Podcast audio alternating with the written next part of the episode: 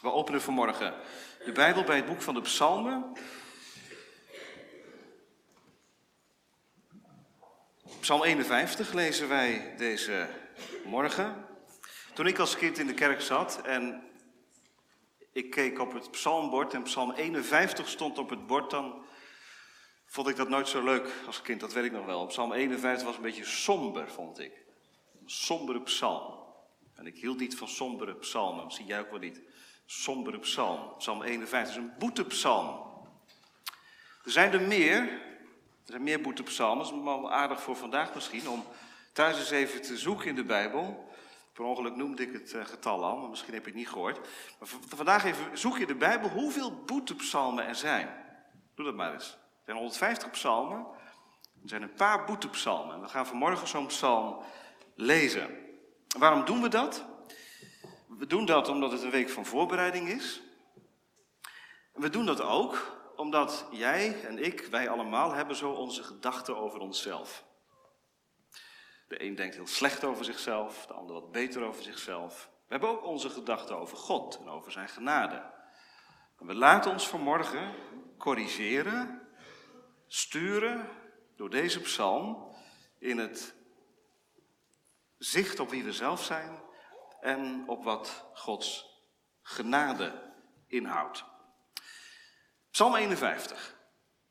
Een psalm van David voor de koorleider toen de profeet Nathan bij hem was gekomen nadat hij bij Bathseba was gekomen. Wees mij genadig, o God, overeenkomstig uw goede tierenheid. Delg mijn overtreding uit, overeenkomstig uw grote barmhartigheid. Was mij schoon van mijn ongerechtigheid. Reinig mij van mijn zonde, want ik ken mijn overtredingen. Mijn zonde staat mij voortdurend voor ogen. Tegen u, u alleen heb ik gezondigd. Ik heb gedaan wat kwaad is in uw ogen. Zodat u rechtvaardig bent wanneer u recht spreekt en rein bent wanneer u oordeelt. Zie, ik ben in ongerechtigheid geboren. In zonde heeft mijn moeder mij ontvangen. Zie, u vindt vreugde in waarheid in het binnenste, in het verborgene. Maakt u mij wijsheid bekend. Ontzondig mij met hyssop, dan zal ik rein zijn. Was mij, dan zal ik witter zijn dan sneeuw. Doe mij vreugde en blijdschap horen. Laat de beenderen zich verheugen die u verbrijzeld hebt. Verberg uw aangezicht voor mijn zonde. Delg al mijn ongerechtigheden uit. Schep mij een rein hart, o God, en vernieuw in mijn binnenste een standvastige geest. Verwerp mij niet van voor uw aangezicht en neem uw heilige geest niet van mij weg. Geef mij de vreugde over uw heil terug. Ondersteun mij met een geest van vrijmoedigheid. Dan zal ik overtreders uw wegen leren en zondaars zullen zich tot u bekeren. Red mij van bloedschulden, o God, o God van mijn heil. Dan zal mijn tong vrolijk zingen van uw gerechtigheid. Heere, open mijn lippen.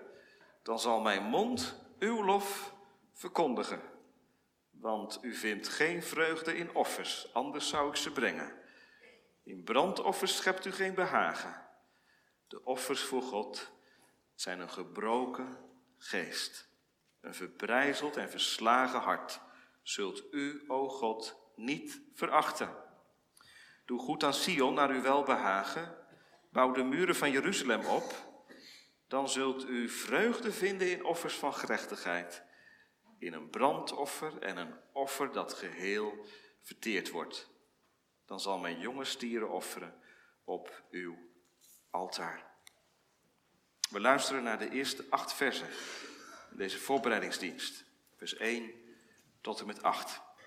We zingen naar de verkondiging, Psalm 25, het tweede, het gebed om Gods leiding in zijn waarheid. En het derde, het gebed om vergeving en een beroep op Gods goedheid en vriendelijkheid.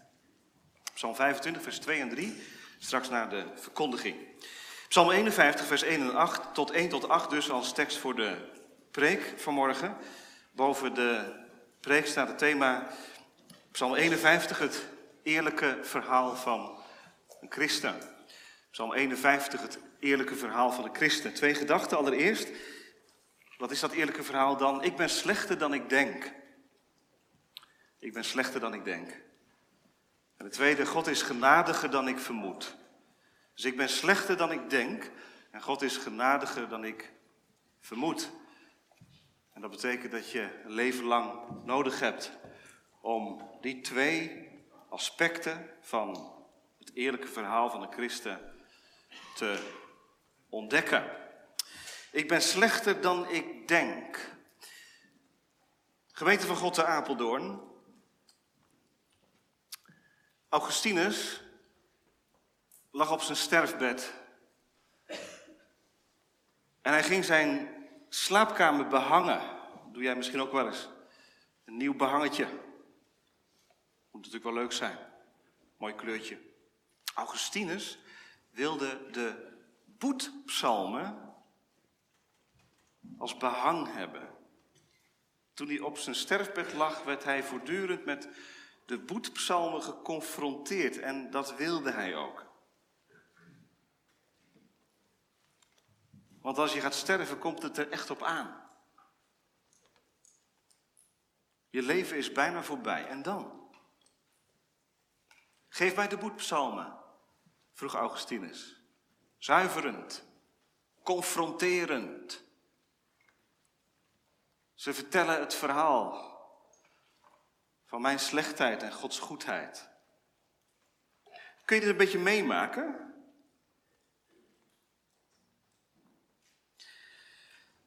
Nou, of je nou wel of niet kunt meemaken. Het feit is dat Psalm 51 deel uitmaakt van de bundel 150 psalmen die we van God gekregen hebben. En dat het er één is van de zeven boetpsalmen die er zijn, die horen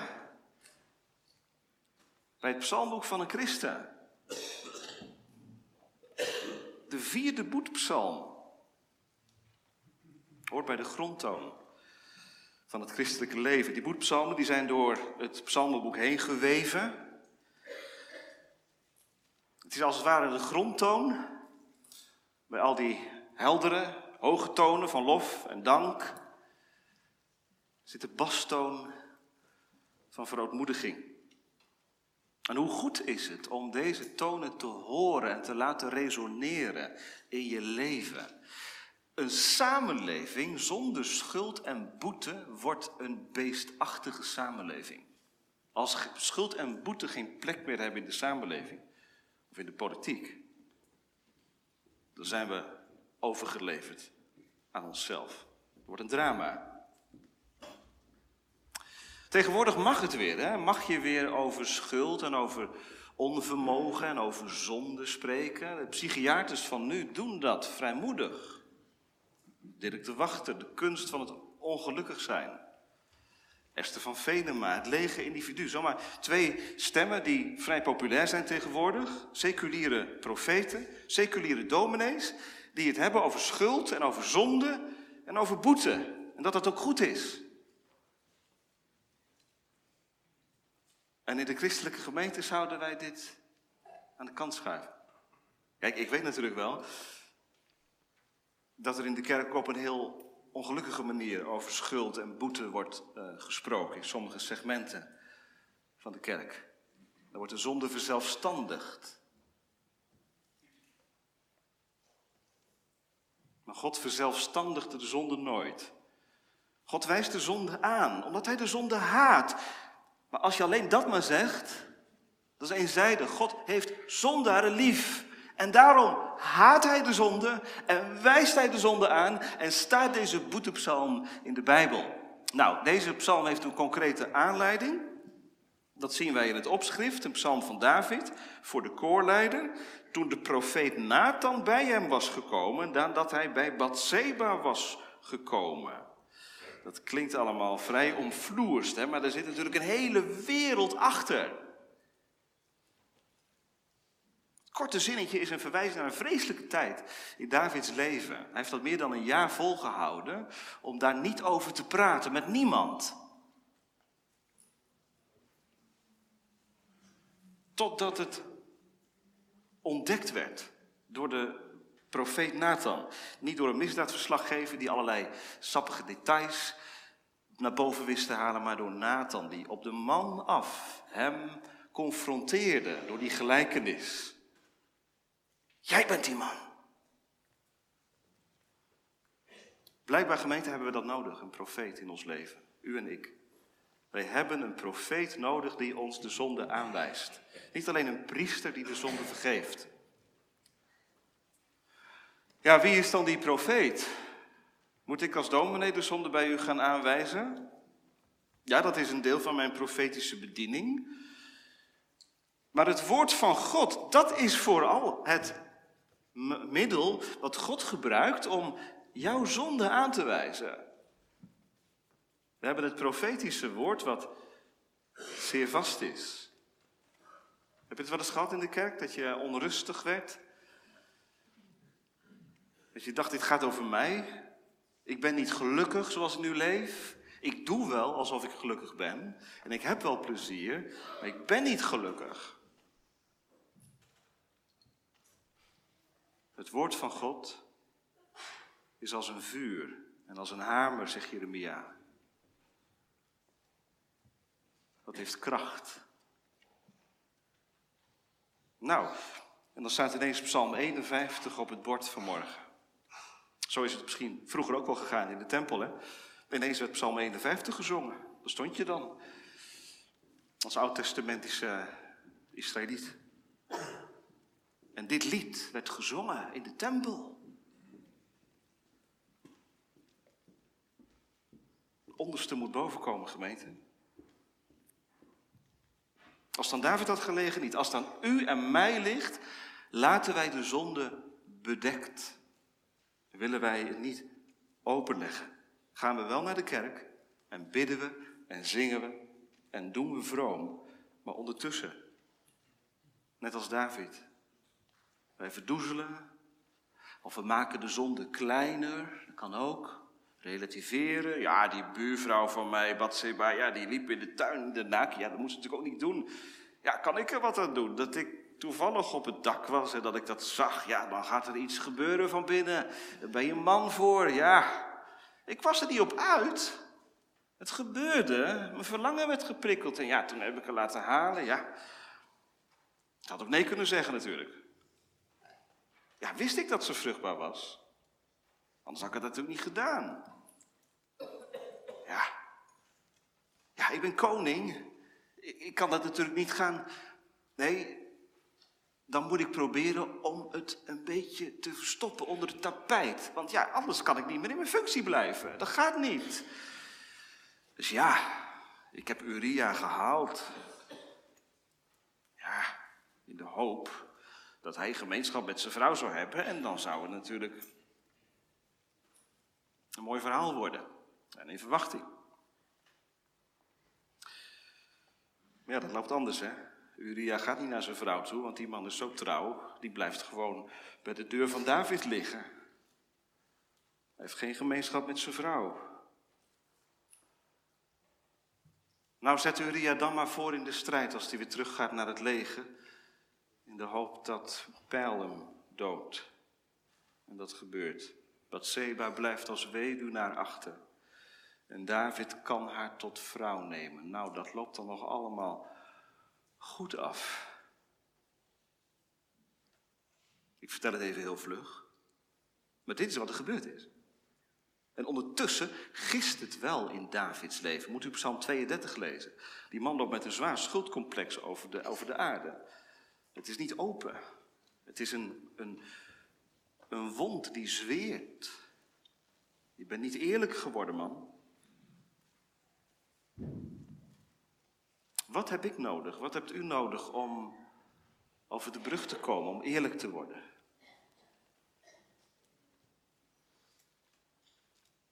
We hebben de Heilige Geest nodig. We hebben echt de Heilige Geest nodig, want wij gaan niet vanuit onszelf eerlijk worden. Echt niet. Dat weigeren we. We relativeren, we verdoezelen. Kinderen, dat, dat zit toch in ons, dat weten jullie ook wel. Ik ben ook kind geweest, ik heb het ook gedaan, jullie doen het ook. Als je vader of je moeder je betrapt op zonde, dan het eerste wat je gaat doen is, ja maar, ja maar. Welk kind is van nature oprecht en eerlijk? Ja papa, dat heb ik gedaan. Als u mij straf geeft, is dat terecht. Dan kun je uiteindelijk wel terechtkomen, maar dan gaat er vaak wel iets, iets aan vooraf. Erkenning van schuld. Nou, daar leidt de Heilige Geest in. Wat geweldig gemeente. De Heilige Geest is, is gegeven om ons te ontdekken aan onze zonde. En als u zich nou afvraagt, hè, hoe moet dat in een week van voorbereiding? Jezelf voorbereiden, je zonde en je vervloeking overdenken. Wat is dat dan? Nou, laten we aan de hand van Psalm 51 zien wat dat is. Want David zet eigenlijk drie stappen in deze psalm. Het eerste wat hij doet, wat hij ontdekt, is wat de zonde is. Het eerlijke verhaal is dat de aard van de zonde ongerechtigheid en overtreding is. Kijkt u even mee naar de woorden die David gebruikt in vers 3 en vers 4. Daar heeft hij het over overtreding, vers 3, over ongerechtigheid, vers 4, over zonde, vers 4 en 5. En dat zijn de drie woorden die bekend zijn in het Hebreeuws voor zonde. Meer woorden zijn er niet. Dit zijn de drie woorden.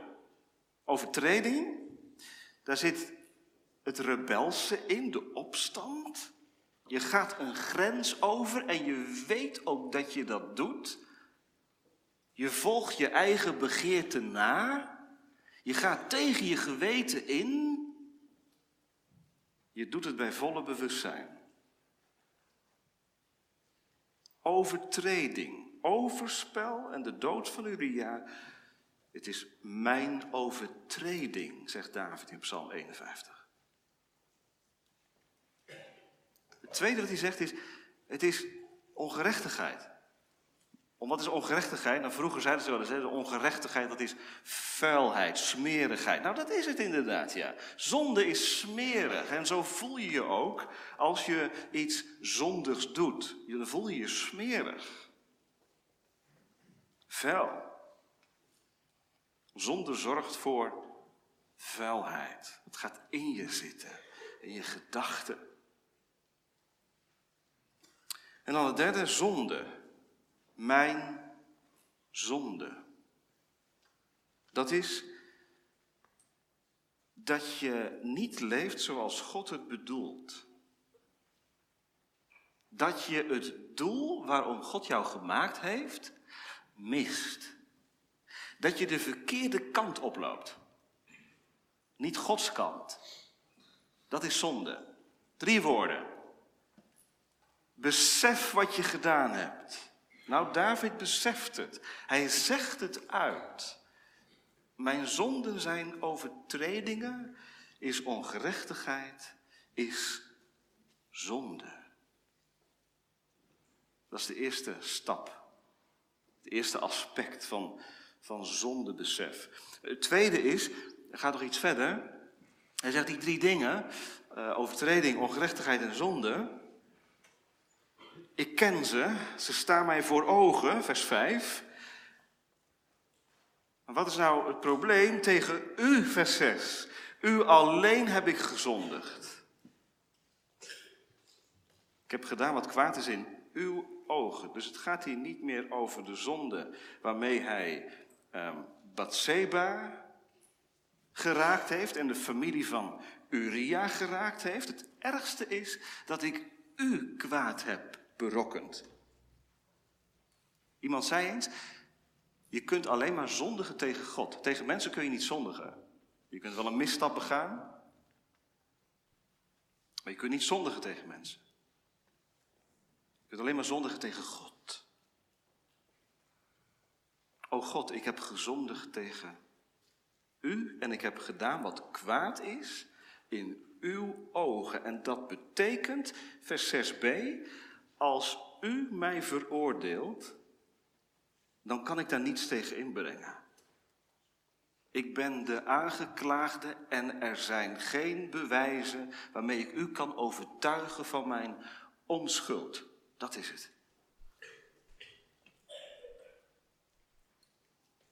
En tot slot als de derde stap, vers 7. David herleidt de zonde tot de kern van het probleem. Toen je geboren bent, kinderen, wat zat er toen in je DNA? De genen van je ouders? Ja. En in die genen zat zonde. Ik ben in ongerechtigheid geboren, zegt David. In zonde heeft mijn moeder mij ontvangen. Waar komt zonde vandaan? Het komt voort uit het allereerste begin. Ik ben geen zondaar omdat ik zonden doe. Ik doe zonden omdat ik zondaar ben. Let u erop, David die begint hier niet mee, hij eindigt hiermee. Het is niet een plat excuus, ja, ik ben nou eenmaal een zondaar. Hij eindigt hier. Nou, deze drie dingen. Inzicht in de zonde. Die drie woorden. Besef dat je met je zonde God geraakt hebt. Tegen u, u alleen heb ik gezondigd. En de zonde terugbrengen tot de kern van het probleem. Ik ben in ongerechtigheid geboren.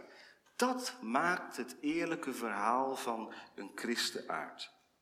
En nu krijg je deze psalm aangereikt vanmorgen om je zonde te overdenken. En ga nou niet denken, dat zou het kunnen, dat je zegt, ja, maar deze psalm, dat is een psalm die opgeschreven is naar aanleiding van die concrete overtreding van, dat heb ik niet gedaan. Ja, dat hoeft ook niet. Dat hoeft ook niet. Wees er blij om dat je niet zo'n concrete misstand begaan bent.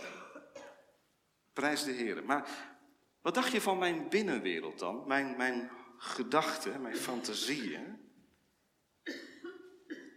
Gemeente, er broeit zoveel kwaads in mijn gedachten. Ik heb wel duizend keer gedaan wat David deed. Als ik dat op zou schrijven. Mijn binnenwereld is een wereld van ongerechtigheid, van zonde en van overtredingen. Ja, maar dat komt er gelukkig niet uit. Maar wat zegt Jezus? Als jij een vrouw aanziet om te begeren, heb jij overspel gedaan. Al heb je nooit met haar het bed gedeeld. Je hebt overspel gedaan. Heb je nooit iemand vermoord, maar als je met je gedachten iemand wil doden, dan heb je hetzelfde gedaan, zegt Jezus. Het komt er niet uit, maar de wortel zit blijkbaar in je. Dus, gemeente, sta je niet blind op het opschrift. Dat is opgeschreven om te laten zien, zo concreet is zonde. En ook, wat je ook gedaan hebt, kijk eens, deze psalm van David staat in de Bijbel. Wat je ook gedaan hebt. Er is vergeving. Ik weet niet of iemand een beetje ging sputteren bij Psalm 51. Ik kan natuurlijk geen gedachten lezen, maar ik vul nu gewoon maar wat in. Misschien is dat wel zo bij iemand. Ja, Psalm 51 over zonde. Dominee, het gaat volgende week over de Heer Jezus. Het gaat over het werk van Christus. Het gaat over brood en over wijn. Over verlossing. Ik vind het een beetje, beetje voorwaardelijk eigenlijk. Ik vind het een beetje eenzijdig. Ik vind het ook niet echt nodig eigenlijk. Als je zonden vergeven zijn, dan, dan, dan gaat het daar toch om. Vertel mij over vergeving. Vertel mij over, over verlossing. Vertel mij over het werk van Christus. Ja, maar weet je waar je van verlost bent? Weet je wat God het gekost heeft om jouw zonde op zich te nemen?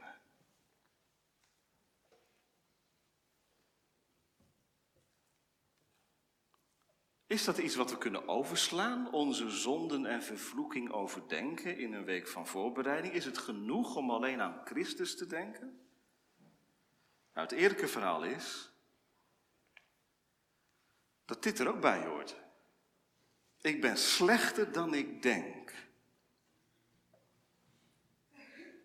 O God, als u mijn ongerechtigheden openlegt, mijn zonde, mijn overtreding, ja, dan heb ik geen been om op te staan.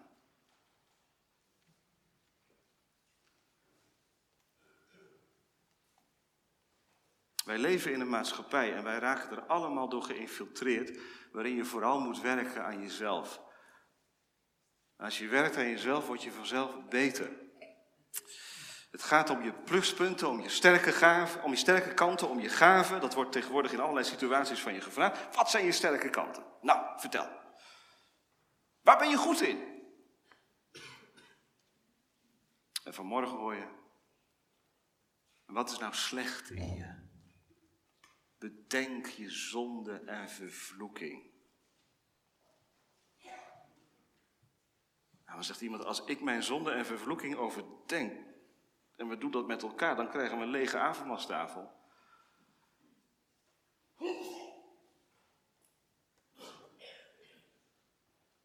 Mijn ogen, mijn oren, mijn handen, mijn voeten, mijn gedachten. Daar ben ik niet mee bezig en wat raak ik niet aan en waar kijk ik niet naar en wat hoor ik niet. Doen jullie dat wel eens, eh, kinderen, aan het eind, jongeren, aan het eind van je dag? Dat je even je dag doorneemt met jezelf? Gewoon een paar minuten. Van top tot teen, hè? Je begint bij je ogen, dan je oren, je mond, je handen, je voeten, je gedachten. Wat is er allemaal door je heen gegaan? Dat is heel zuiverend. Eerlijk jezelf behandelen. Lord, show me myself. Zei een dominee tegen een meisje in Schotland. Die zei, dominee, hoe, hoe kan ik nou meer zondekennis krijgen? Vraag het aan God. Laat me mezelf zien. Er is zelfs een belofte voor hè, in de Bijbel. Wist u dat? Ezekiel. Ik zal maken dat ze een, een afkeer van zichzelf krijgen. Ezekiel 6, vers 9. Mag je op pleiten?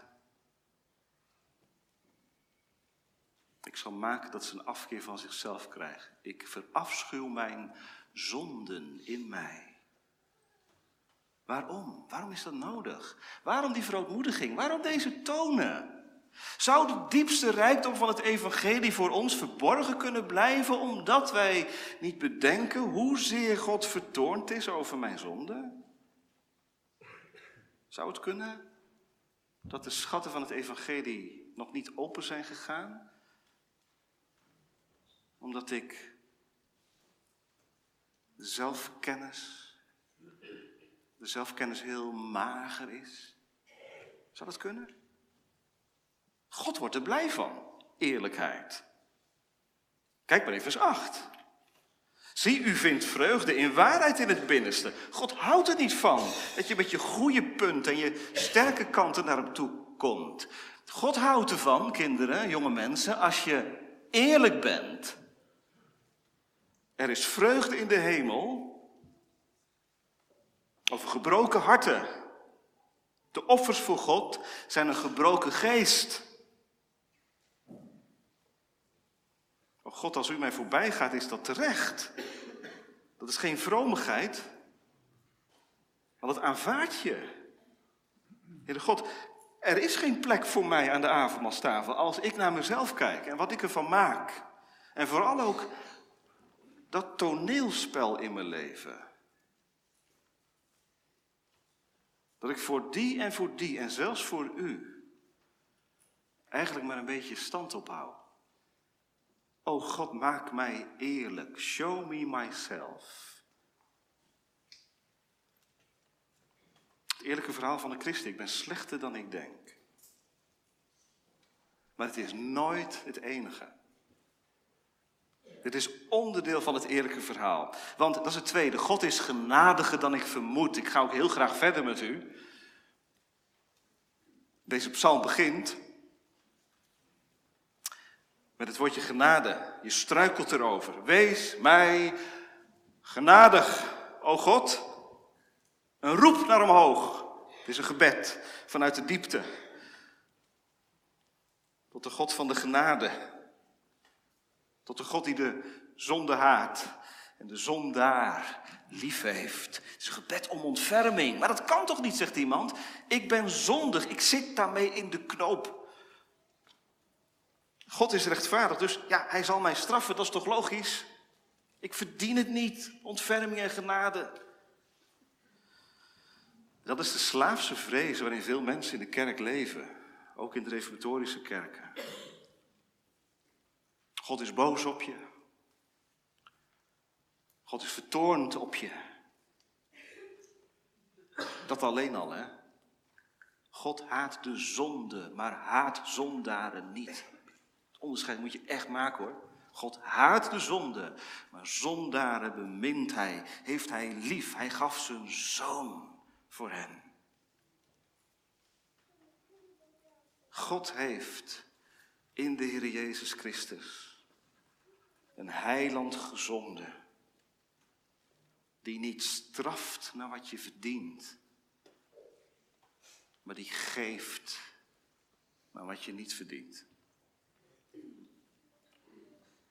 Hoe komt het dan dat zoveel mensen worstelen met dit punt? Ja, is God mij wel genadig en zo? Omdat ze dit punt voorbij gaan. Ik heb naar Gods rechtvaardig oordeel straf verdiend. Omdat ze niet eerlijk worden voor God toch denken dat ze zichzelf beter moeten voordoen dan ze zijn. Maar dat is juist het geweldige verhaal van het christelijke geloof. Je hoeft je niet beter voor te doen dan je bent. Dat is genade. Je mag komen zoals je bent. Doe het. Zoek de toevlucht tot de God van genade. David, hoe is dat mogelijk? Hoe durf je? De God die jij vertoont, dat zeg je toch? U bent rechtvaardig wanneer u recht spreekt, rein bent wanneer u oordeelt. Die God roep jij aan? Hoe kan dat? Dat is de paradox, schijnbare tegenspraak. De God bij wie je in beroep gaat is de God die jij vertoont. Een stemmetje van binnen zegt, waag het niet, waag het niet. De duivel zegt afstand, afstand, afstand. Maar het woord genade overbrugt de afstand. Roep God aan zoals Hij is. Hij is de God van genade. De duivel wil dat je gaat werken, aan het werk gaat. En je raakt verstrikt in een systeemdenken. Ik moet mijn best doen. Als ik een dag iets minder zondig, dan wil God mij meer lief hebben. Dat is zo'n Zo'n list van de duivel. Want weet je, dan breekt ook nooit de vreugde over het hel door.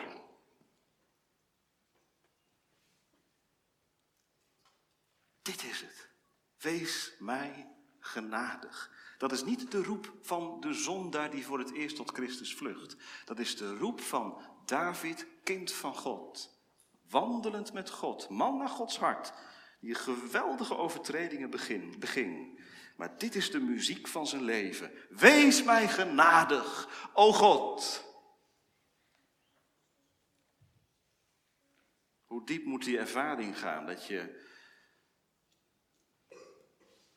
dat je je zonde kent en dat je die beleidt voor God. Ik hoor het wel eens in het pastoraat. Ja, het moet, het moet eigenlijk dieper bij mij. Ik moet eigenlijk meer zondekennis hebben. Iemand als John Bunyan, die leefde 18 maanden in diepe wanhoop. Ging er heel diep door. Er zijn mensen die zeggen dat je zo'n diepe beleving moet hebben.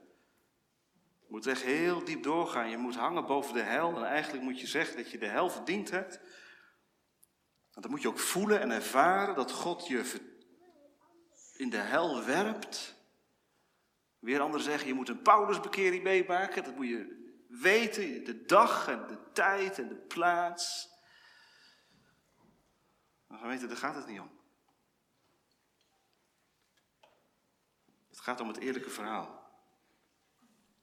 Ik ben slechter dan ik denk. En God is genadiger dan ik vermoed. Dat is het. Neem de toevlucht tot de genade. David doet dat. En let op, Hij gebruikt drie woorden voor zonde. Hij gebruikt ook drie woorden voor God. Wees mij genadig overeenkomstig uw goede tierenheid. Delg mijn overtreding uit overeenkomstig uw grote barmhartigheid. Ziet u ze staan? Genade, goede tierenheid, barmhartigheid. Genade, dat is dat God met je omgaat op een manier die je niet verdient. En die steeds weer verwondering opwekt aan het avondmaal.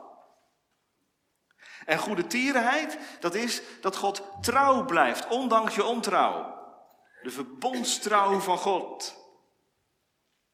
En barmhartigheid, dat is dat zijn diepste gevoelens van ontferming en liefde jou bereiken. Wees mij genadig. Toon mij uw binnenkant, o God. Want alleen dan heb ik hoop. Als ik naar mezelf kijk, mijn eigen binnenkant, voel ik me verloren.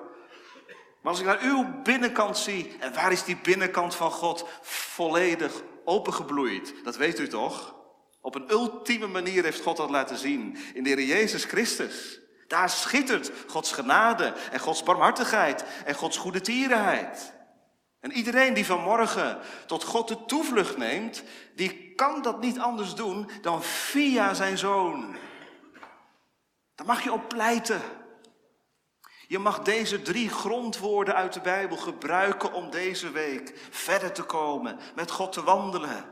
Als je geconfronteerd wordt met je eigen zonde, je overtredingen, je ongerechtigheid uit het verleden of van vandaag, zijn deze drie woorden, genade, goede tierenheid en barmhartigheid, de grondwoorden die ervoor zorgen dat je niet omkomt en wegzinkt in moedeloosheid.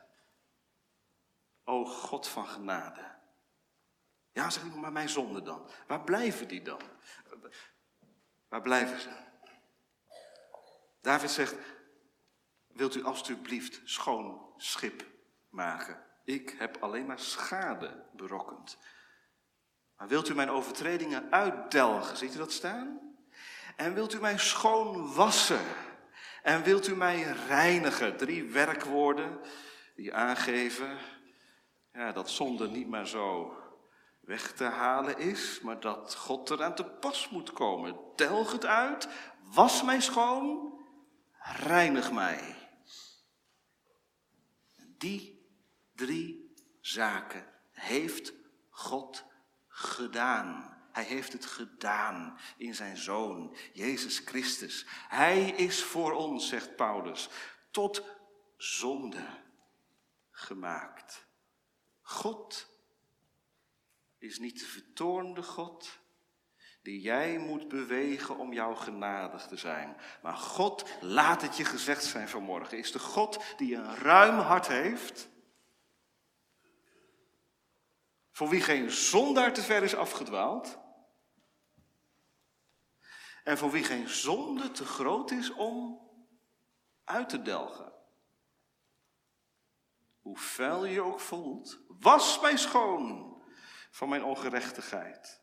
Hoe onrein je ook bent, reinig mij van mijn zonde. Dat is het evangelie voor jou, voor u. Ik mag u aanwijzen. Ik hoef niet te zeggen, ik weet niet of het voor u is. Want als u nu uitverkoren bent, dan hoort u hier niet bij. Ik mag het tegen u zeggen. Ik mag het proclameren. Dit is het eerlijke verhaal. Niet ik poets me op zodat God mij genadig bent. Ik ben slechter dan ik denk. God is genadiger dan ik vermoed.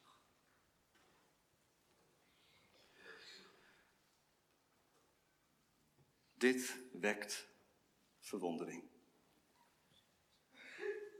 En dan is het avondmaal de plaats om die verwondering te voeden. Daar komen mensen en jongeren en ouderen met een eerlijk verhaal. Ze, zien naar zichzelf en ze snappen het niet. Er is zoveel fout.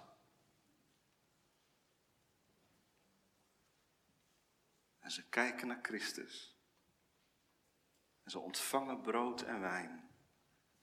En God zegt, dit deed ik om jouw ziel te troosten. Ik heb van jou je schuld en zonde weg gedaan. David heeft het zijn leven lang niet meer vergeten. Hij is ook gestraft vanwege deze overtredingen. Maar God vergeeft en vergeet. Hij ziet je in Christus alsof je rein bent. Geen zonde gekend of gedaan. Ik kan daar niet bij. Ik kan het alleen maar geloven en bidden. Heer, geef dat ik eruit mag leven. Dat u mij zo ziet. Schoon gewassen. En daarom schuil achter Jezus.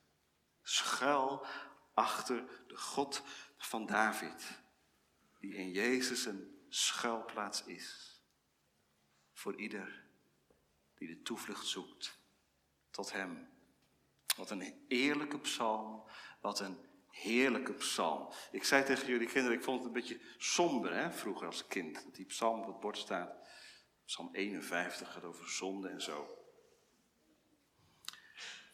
Eigenlijk ben ik zo blij dat deze psalm in de Bijbel staat. Snap je dat? Ik heb een God die eerlijk met mij omgaat. Een God die uit is op eerlijkheid in mijn leven. Ik heb een God die overweg kan met mijn zonde. Ik kan er niet mee overweg, maar Hij wel. En daarom brengt Psalm 51 mij bij de grote zoon van David, die zijn leven gaf, aflegde voor u, voor jou. Hij deed het om ervan te leven en om straks het kwijt te zijn. Die bastoon van de zonde, want die gaat mee, dat draagt het leven. Straks ben je hem kwijt. Dan draagt de muziek van genade alleen maar. Hier blijft het. O God, wees mij genadig. Laat mij van uw genade leven. Zo kom ik thuis. Amen.